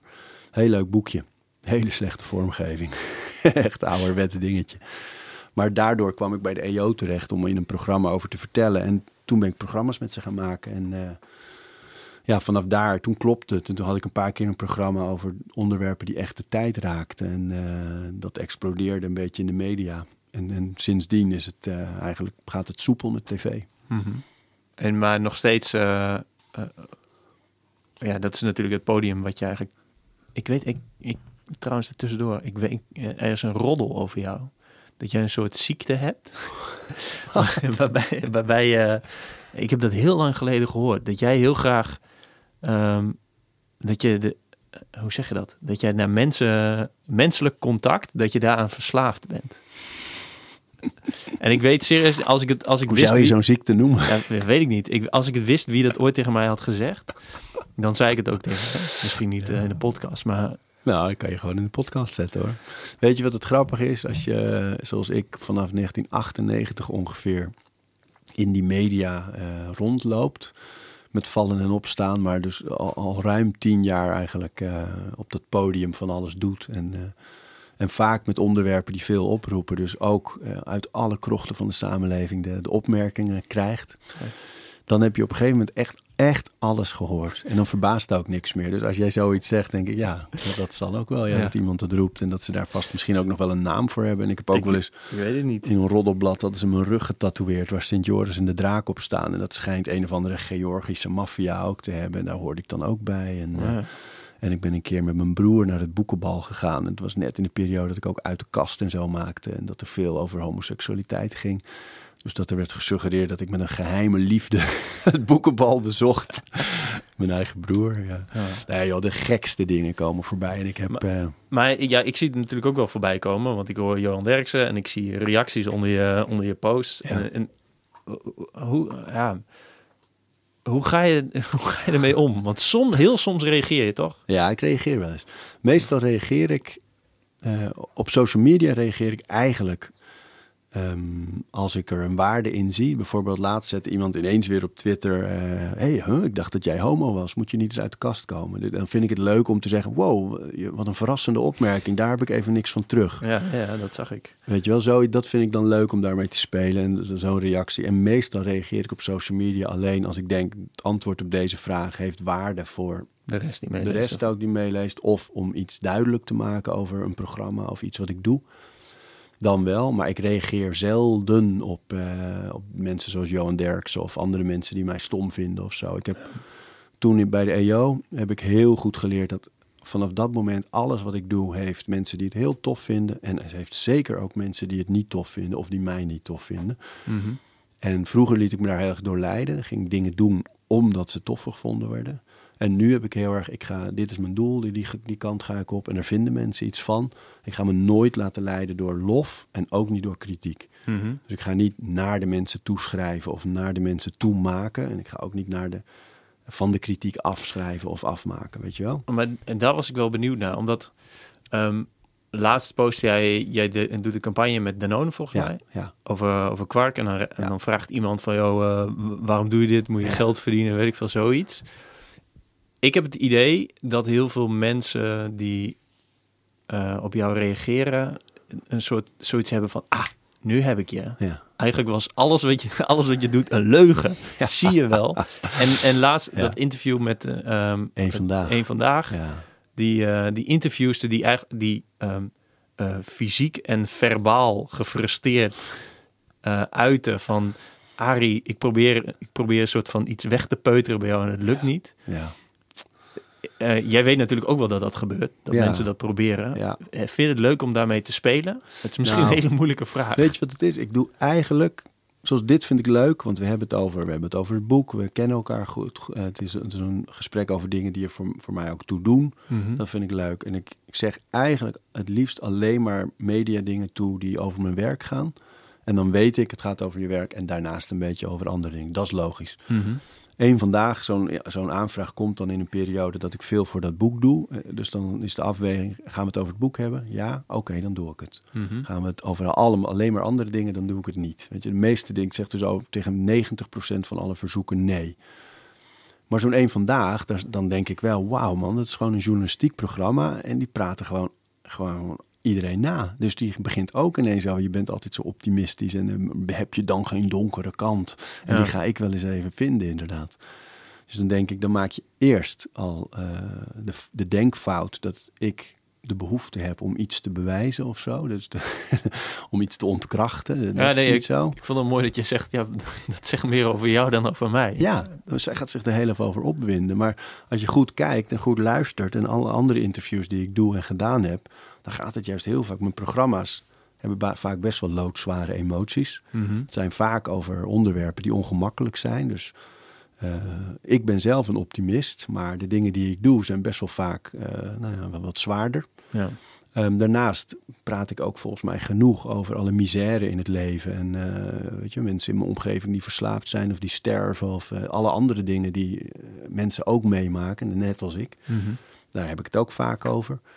Ehm er was notabene net, eh, net allerlei media geweest over iets uit mijn jeugd... wat, eh, wat niet heel prettig was. Dus daar denk ik heel erg van, wat, wat praat je dan na? Mhm. Want zij, ze fijnzen dan een beetje alsof ik... eh, of ze doen eigenlijk een beetje alsof ik alleen maar positief ben. Nee, en of- alleen maar... Ja, ik heb er dus over nagedacht. Want ik, ik zag dat een aantal dagen geleden. Maar misschien is het juist omdat je beide kanten vaak belicht... dat het, dat het nooit als een soort schok komt of zo. Ja. Dat, het niet, dat het niet de hele tijd leuk, blij, positief is... en dan in één keer iets. Ja. Nee, omdat het gewoon de hele tijd terugkomt. Maar het heeft met dat wat jij aan het begin van ons gesprek dat stoïcijnse noemde. Die stoïcijnen geloofden heel erg in, eh, oké, als er iets naars gebeurt, dan moet je even daarbij stilstaan, droevig zijn, huilen, wat dan ook. Dan loskappen, loslaten en door. En dat is denk ik iets wat ik zelf ook graag doe. Ik, ik ben een optimist, maar dat betekent niet dat ik niet kan huilen of droevig zijn of depressief. Even, nou, depressief vind ik een te groot woord. Maar zwaarmoedig zijn eventjes om iets of even niet zo'n blije periode hebben. Dat is er allemaal ook wel. Maar daarna komt wel weer eh, het optimisme en de daadkracht of de veerkracht. En eh, volgens mij hebben heel veel mensen dat. Maar het is inderdaad vaak in interviews dat ze denken... nu ga ik iets ontdekken bij jou... wat geheim is gebleven voor iedereen. Ja. Ja, nee, ik, ik schrok echt ervan eh, voor zo'n programma hoe eh, infantiel dat gesprek eigenlijk ging. Terwijl het een hele leuke dag was en ik vond haar ook heel leuk. Ik heb meerdere de montage, van, van ja. die... Van die eh, het item is best wel geinig. Ja, heel leuk. En het is ook, het is, ik vind een vandaag ook normaal gesproken ook echt wel een goed programma. Maar ik, ik vond wel de keuzes en de manier waarop er steeds maar gezocht werd.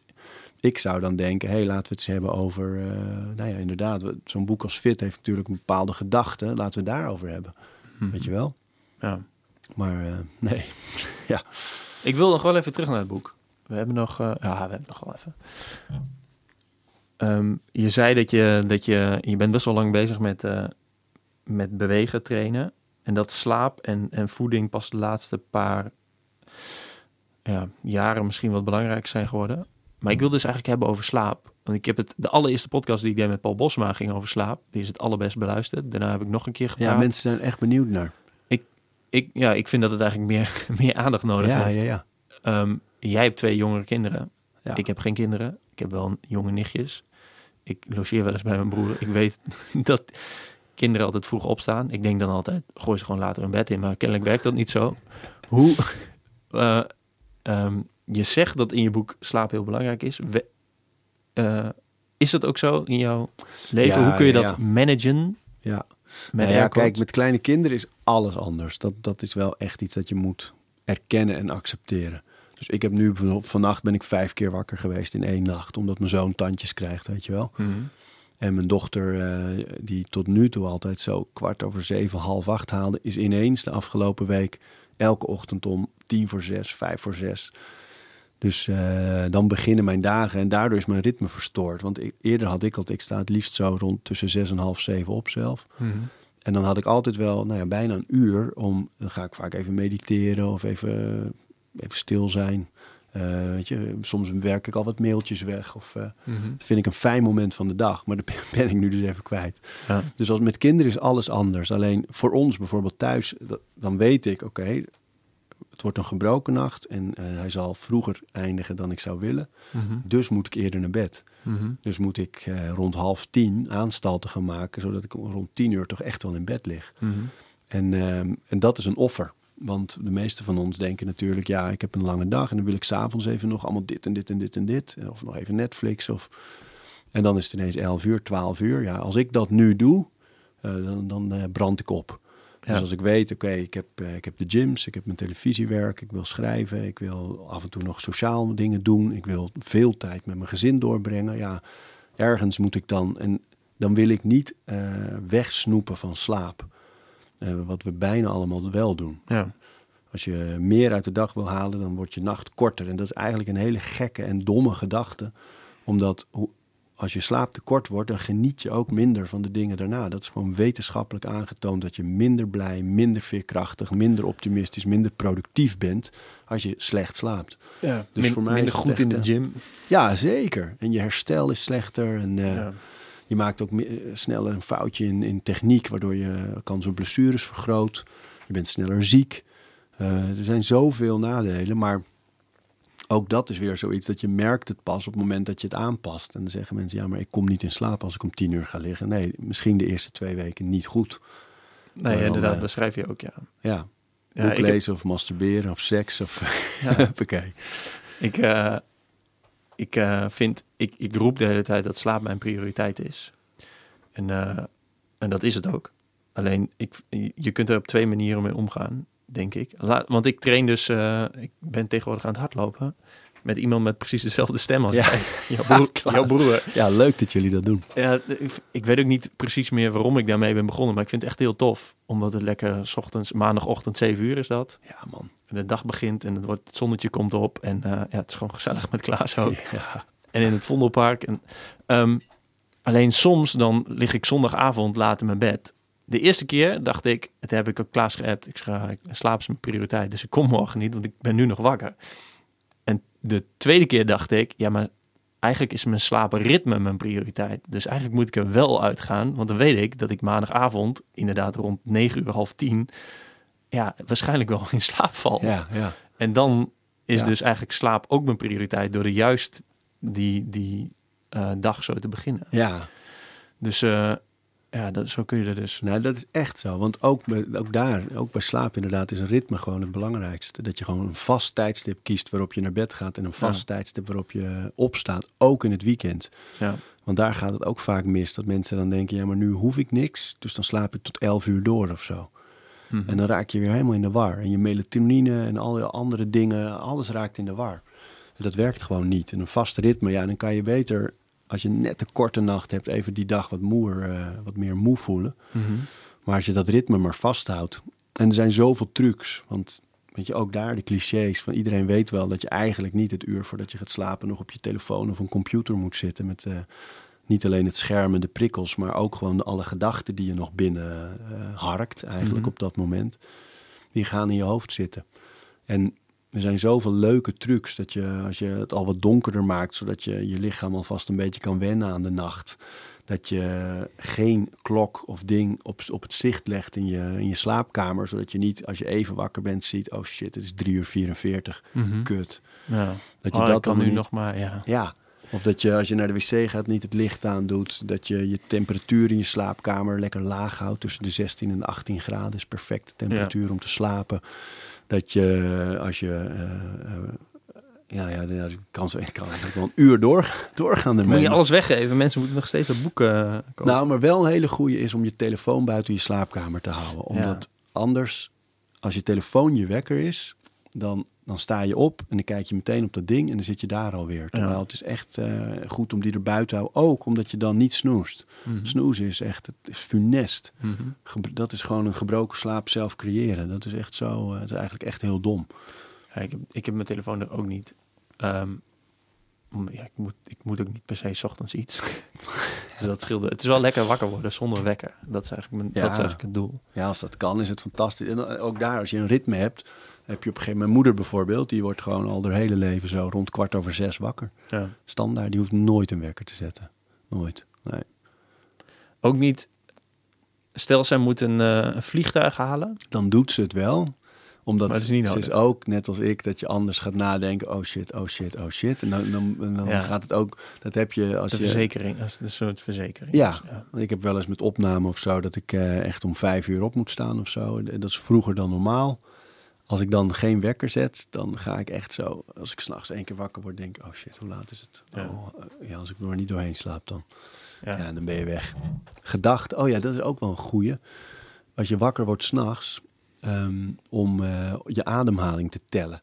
Dus dat je, uh, als je uitademt, elke keer één. Inademen, uitademen, twee. Inademen. Dat is eigenlijk de moderne variant van schaapjes tellen. Mhm. Dan heb je je gedachten alleen maar bij je ademhaling. Daar word je al rustig van. En je bent dan tellen, dus je gedachten kunnen niet andere kanten op. Voordat je het weet val je weer in slaap. Dat is een hele lekkere truc. Ja, dat is wel een goeie. Ik vind het moeilijk hoor, want volgens mij gebruik je ook Headspace. Ja, Van Andy moet je dan ook tellen. ja.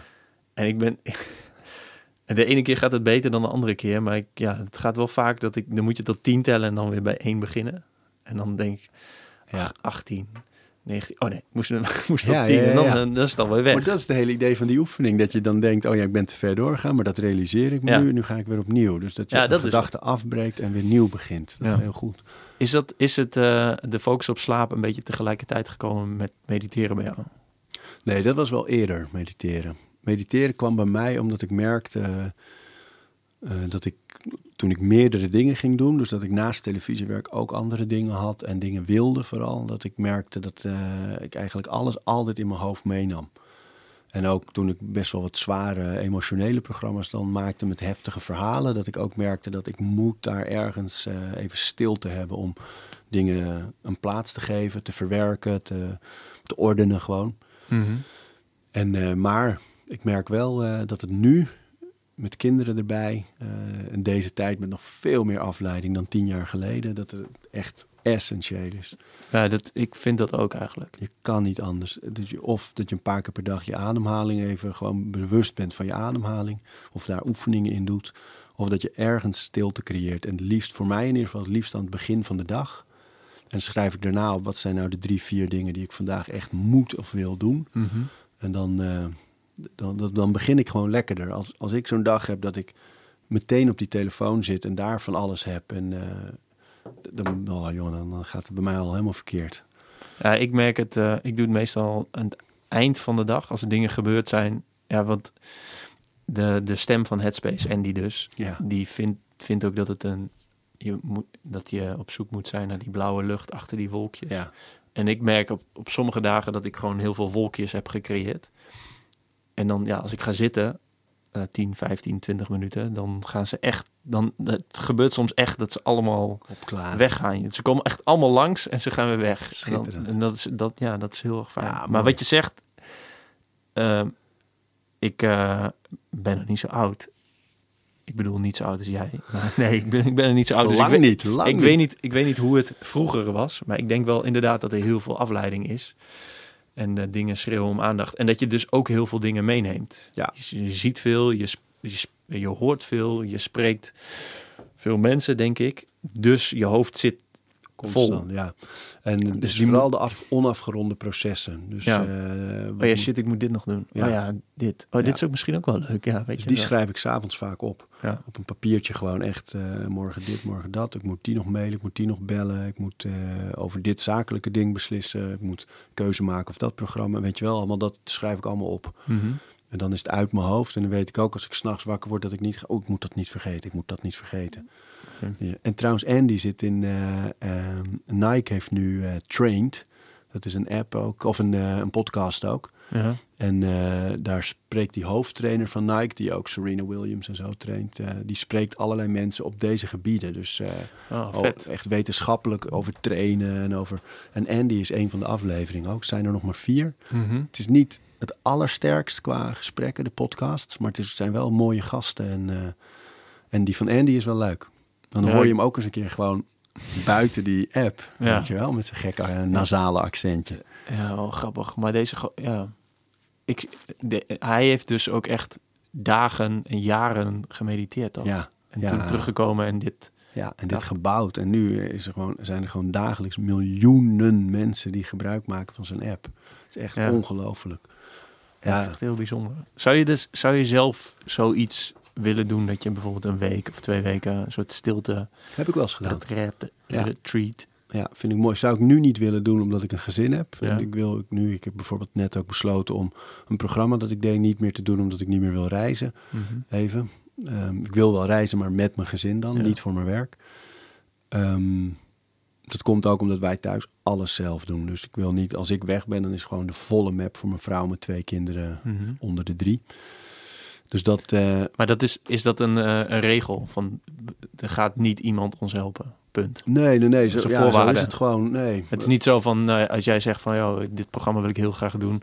betekent dat ik zoveel weken per jaar weg ben. Ja, Laten, maar laten nee, we als dan ik het heel graag zou willen doen, dan zouden we ook wel een weg vinden. Maar ik heb nu voor gekozen, kijk, eh, sowieso De komt er al meer stellen. op mijn vrouw aan dan op mij. Maar we proberen echt zoveel mogelijk goed te verdelen. Dus ik heb bijvoorbeeld elke ochtend ook tot half tien heb ik de verantwoordelijkheid voor beide. Mhm, Ik ben meestal aan het einde van de middag ook wel weer thuis. mhm. Een paar uitzonderingen daar, om dan eh, het eten en eh, bad en zo allemaal samen te doen. Maar ehm, nee, het is wel zo dat ik, ik kies er dan wel voor. Als ik dat programma had gedaan, dan was ik in vier maanden tijd eh, totaal tien dagen per maand weg. Mhm. Vier maanden lang. Ja, dat vind, dat vind ik niet dat je dat... eh, dat wil ik ook niet doen nu mijn zoon nog maar acht maanden is, weet je wel. Mhm. Dus dat... eh, dus nu zou ik zo'n retraite niet doen, maar ik heb het wel een paar keer gedaan en ik vind het heel waardevol. Waar, waar heb je dat gedaan? Of wanneer, wanneer was dat? Eh, ik heb eentje in Indiana in mijn school. Dat was een één dag gewoon, één dag stilte. Ja, en wat is het in België? Je hebt zo'n plek in België waar je kan kiezen. Eh, je kan een week, je kan drie dagen, je kan tien dagen. Mhm. En drie dagen eh, een keer gedaan, ja. Nooit, lang, nooit tien of zeven. Nee, Ja, het zou, ik, lijkt me wel een keer interessant. ja, Om, eh, ja, het is, zo lastig, het is zo lastig uitleggen. Eigenlijk is het het uitleggen van, van mediteren hetzelfde als het uitleggen van slapen. Hetzelfde als bewegen. Want Ja. je, je moet het doen en langer doen ja. om de voordelen van zien. En te ervaren hoe het dus ook kan zijn. ja, en dan nog blijft het moeilijk. Die- Het die, eh, als- Die William Davis, dat boek had jij toch ook gelezen? Ja. Eh, en die, Slaap. die- volgens mij zei hij van... Als je een slaapprobleem hebt, weet je niet dat je een slaapprobleem Nee. hebt. Omdat dat, dat is eigenlijk hoe het werkt. Ja, ja nee, dat boek is echt, echt een aanrader, Slaap. En ook over eh, ehm, nachtmensen en dagmensen, ocht- ochtendmensen en avondmensen. Ja. En dat het gewoon echt iets is dat bestaat. En dat het met je, met je melatonine en je hormonen te maken heeft. Ja, Schitterend. en ook dat, dat inderdaad jonge, dat adolescenten, pubers, ja, eigenlijk vooral avondmensen zijn en verwacht worden dat ze om een kwart over acht in de Ja. schoolbanken zitten. ja. En eh, ja, Nee, die, eh, ik heb wel eens een programma gemaakt over stilte ook. Toen moesten de mensen ook drie dagen, eh, mochten ze niet praten. En dat gingen we proberen op televisie te brengen. Dus ja, wat laat je dan zien? Het was heel, eh, was heel moeilijk. maar lukte dat? Het lukte ze en ze kregen elke eh, 24 uur kregen ze een eh, moment dat ze even als een soort dagboek even hun ervaringen mochten delen. Ja. En verder moesten ze met z'n drieën in een huis, eh, moesten ze dat doen.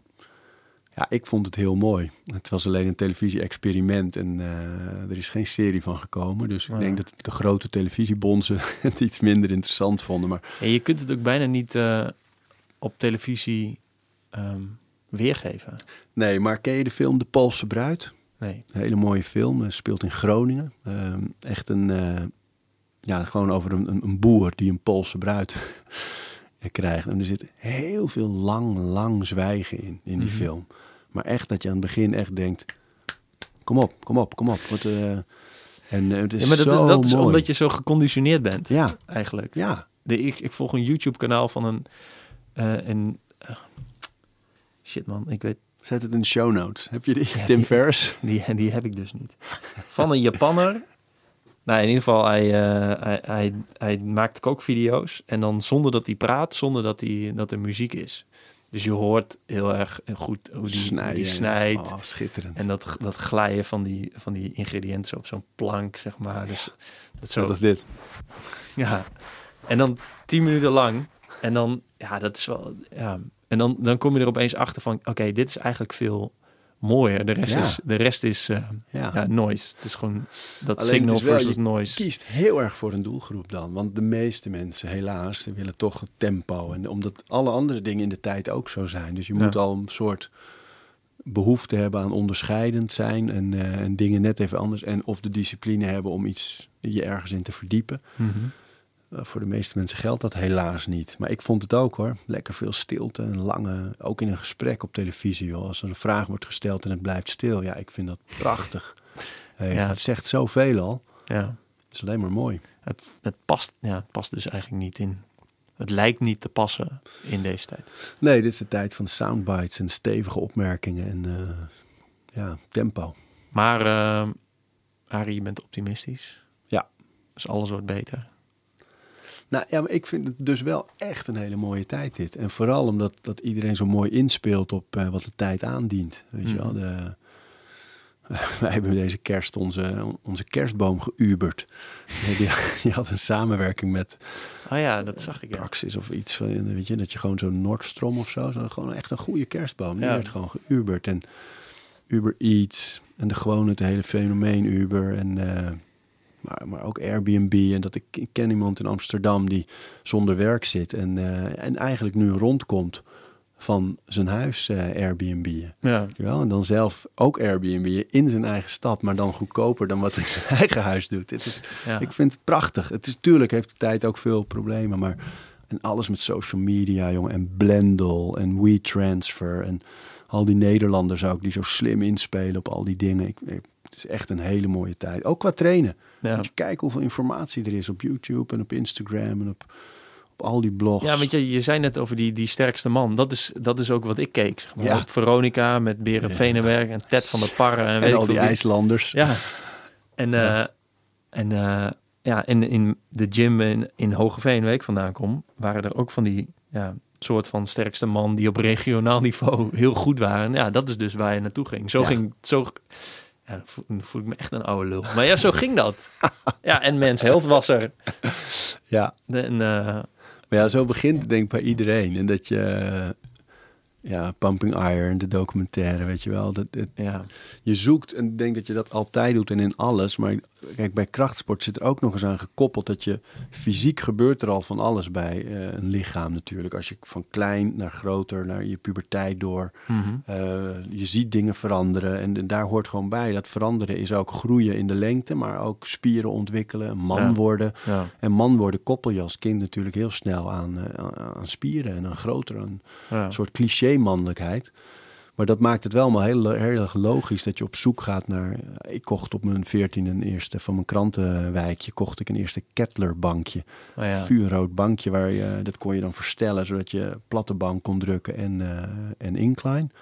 Met wat van die dumbbells en, eh, en stangen erbij. Allemaal veel te klein natuurlijk, maar wel ja, gewoon de eerste, eerste oefeningetjes. Ja, ja het, is wel, het, was, het is wel echt een vette periode. Dat als je, ja, mijn, mijn dosis hormonen kwam een beetje rond mijn 17. Ik was altijd wat later. Maar dat is wel mooi inderdaad. Dat je dan, je groeit sowieso al. En je gaat dan ook nog de gym in. Ja. En dan is het, eh, ja, dat is wel vet. Ja joh, en nu helemaal. Nu ook zonder ijzer gewoon echt prachtige dingen buiten kunt doen. En al die eh, street workouts en calisthenics. En eh, dat is allemaal zo mooi. En Ja. zo goed ook. Dat je gewoon op een hele goede manier, die heel dicht ligt bij kinderdingen. Zoals klauteren en klimmen en stoeien en zo. Dat zijn ja, fantastische basis. Ja, en ik, dat zou ik nog wel willen. Dat het, dat, dat meer, eh, ja, gewoon een beetje klooien, lummelen. Ja. Dat dat, dat, dat iets meer, ehm, ik weet niet of ik geaccepteerd zou moeten zeggen. Of dat het, dat, dat het iets meer terugkomt. Ja, nou, je hebt nu in, eh, in Osdorp in Amsterdam, heb je, dat heet Ruig. En dat is gewoon een eh survival baan, noemen ze dat. Ja, Mhm. eh, iemand die het niet weet zou het een obstacle course noemen. Ja, Allemaal touwen en netten en een beetje zoals dat Ninja Warrior ding. ja. Maar ik was daar van de week ook. En eh, al die technieken die erbij komen kijken... hoe je het best over een ding heen kan klimmen. Of eh, hoe je onderaan zo'n zo'n net waar je dan je benen steekt. En hoe je grip is op, eh, op alles waar je over moet pakken. Het is allemaal zo... Het is heel natuurlijk. Het is heel erg... Ja, Ja. heel erg hoe de mens eigenlijk ook hoort te kunnen functioneren, weet je wel. ja, dus ja, eigenlijk wat functioneler dan 4 keer 8 Ja, zeker. Ja, ja. Vier keer acht. Kijk, ja, d- die hoek, hè, dus die echt die mensen die echt Vanochtend diep nog gedaan in die movement toch gedaan. Ja, ja. Zie? 5 keer 5 ijzeren discipline. Maar die eh, vijf keer vijf van Pavel Tsap, Nee, zo heet ik, die. ik, heb, ik heb nog een oud schema liggen van Guy de Roog, wat ik nog wel eens erbij pak. Ja, die vijf keer vijf is fantastisch. Ja, Maar ehm, nee, die movement hoek, die, die zeggen ook echt over dat soort training. Dus eh, bijvoorbeeld het bankdrukken. Waar in de rest van je leven maak je die beweging? ja, als je eh, een hele zware steen voor de opening van een grot weg moet duwen. Ja, nee, en dan lig je nergens. al onder dus dan. Ja, ja, ja, precies. Nee, ja, nergens. Weet je wel? Dus d- dat is hun hele theorie. Van laten we alleen maar bewegingen doen die mijn lichaam optimaliseren. En die ik ook in allerlei andere... Dus van de squat en, en zelfs de deadlift kun je zeggen... eh, of, of optrekken of een shoulder press. Dat zijn nog wel bewegingen die je veel gebruikt. Mhm. Maar bankdrukken en een, ja, een bicep curl met één hand. Ja, waar vind je die? Maar het, het maakt het niet minder leuk. Ik, ik moet eerlijk zeggen dat ik een tijd daarvan weg ben gestuurd. En heel erg op alle de metcons, metabolische conditie, eh werk, kracht, uithoudingsvermogen, hoog tempo. Mhm. Veel dingen nieuw kunnen, hoog springen, hard optrekken, ups, al die hoek. Maar dat ik uiteindelijk toch ook wel weer een beetje terug ben gegaan naar dat nog steeds doen. Maar daarnaast een lekkere bicep curl, Ja, maar een dat is- klassieke bench press. Dat is wat, eh, volgens mij heb ik dit eerder in een podcast gezegd. Mark, Mark Tuitert was met JJ aan het trainen, ook in de Vondel Gym. Die Ja, maakte ja, daar een video van. En Mark Tuitert zei, ja, een, eh, een eh, atletisch lichaam is gewoon mooi. Punt eigenlijk. Ja, dat, is, dat vind ik ook. Dat Ja. als je atletisch en een, een, een mooie V-vorm, dat Ja. is mooi. Dus dat is al een reden om Ja, dat na te streven. En je kunt Ja. zelfs in je training, als je een beetje die pomp hebt, kun je het al op korte termijn kun je dat maken. En dat, Ja. is, dat is al tof om te benchpressen en daarna je bicep curl te doen. ja. Dan is het dan een beetje gepompt en dan ga je een beetje zo staan, zeg maar. En je moet misschien één rugoefening erbij. Ja, dan heb je, het, dan, dan, dan heb je daar je voldoening eigenlijk al uit. Maar ja, daar blijft het dus voor veel mensen. En ik denk de, de gedisciplineerde, gefocuste krachtsporter, die herken je eraan als die in andermans gym gaat trainen en een benendag pakt. Weet je wel? En dus als je alleen maar Ja. mensen om je heen hebt die jou niet kennen en je komt daar binnenlopen en dat je dan niet gaat bankdrukken of iets waar je heel sterk in bent gaat doen, maar eh, ja, misschien ben je wel heel sterk in benen, maar gewoon echt een volle benenworkout, deadlifts, squatten, lunges. Ja.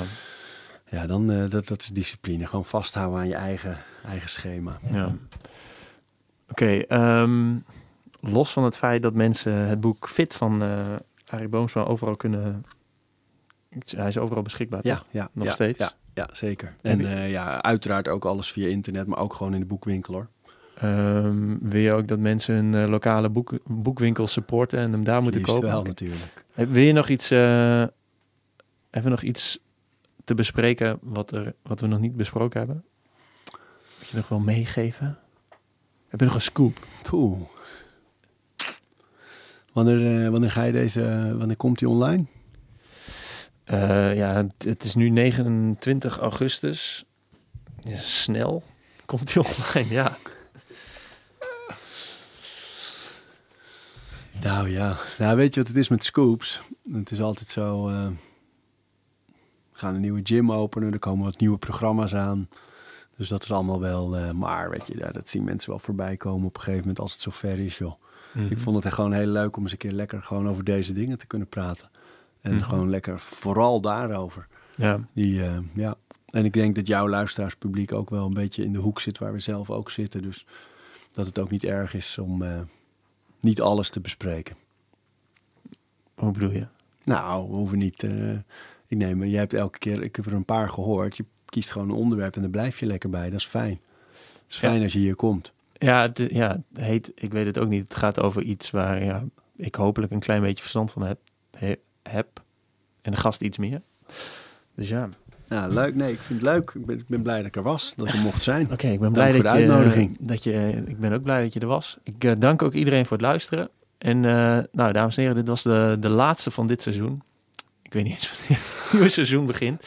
Maar ik ga op vakantie, even. En daarna Ga je eindelijk een keer naar het buitenland? Ja, ik, ik ben er wel aan toe. Eh, ik, moet, ik moet even tot rust komen. En eh, we zien elkaar snel. Doei.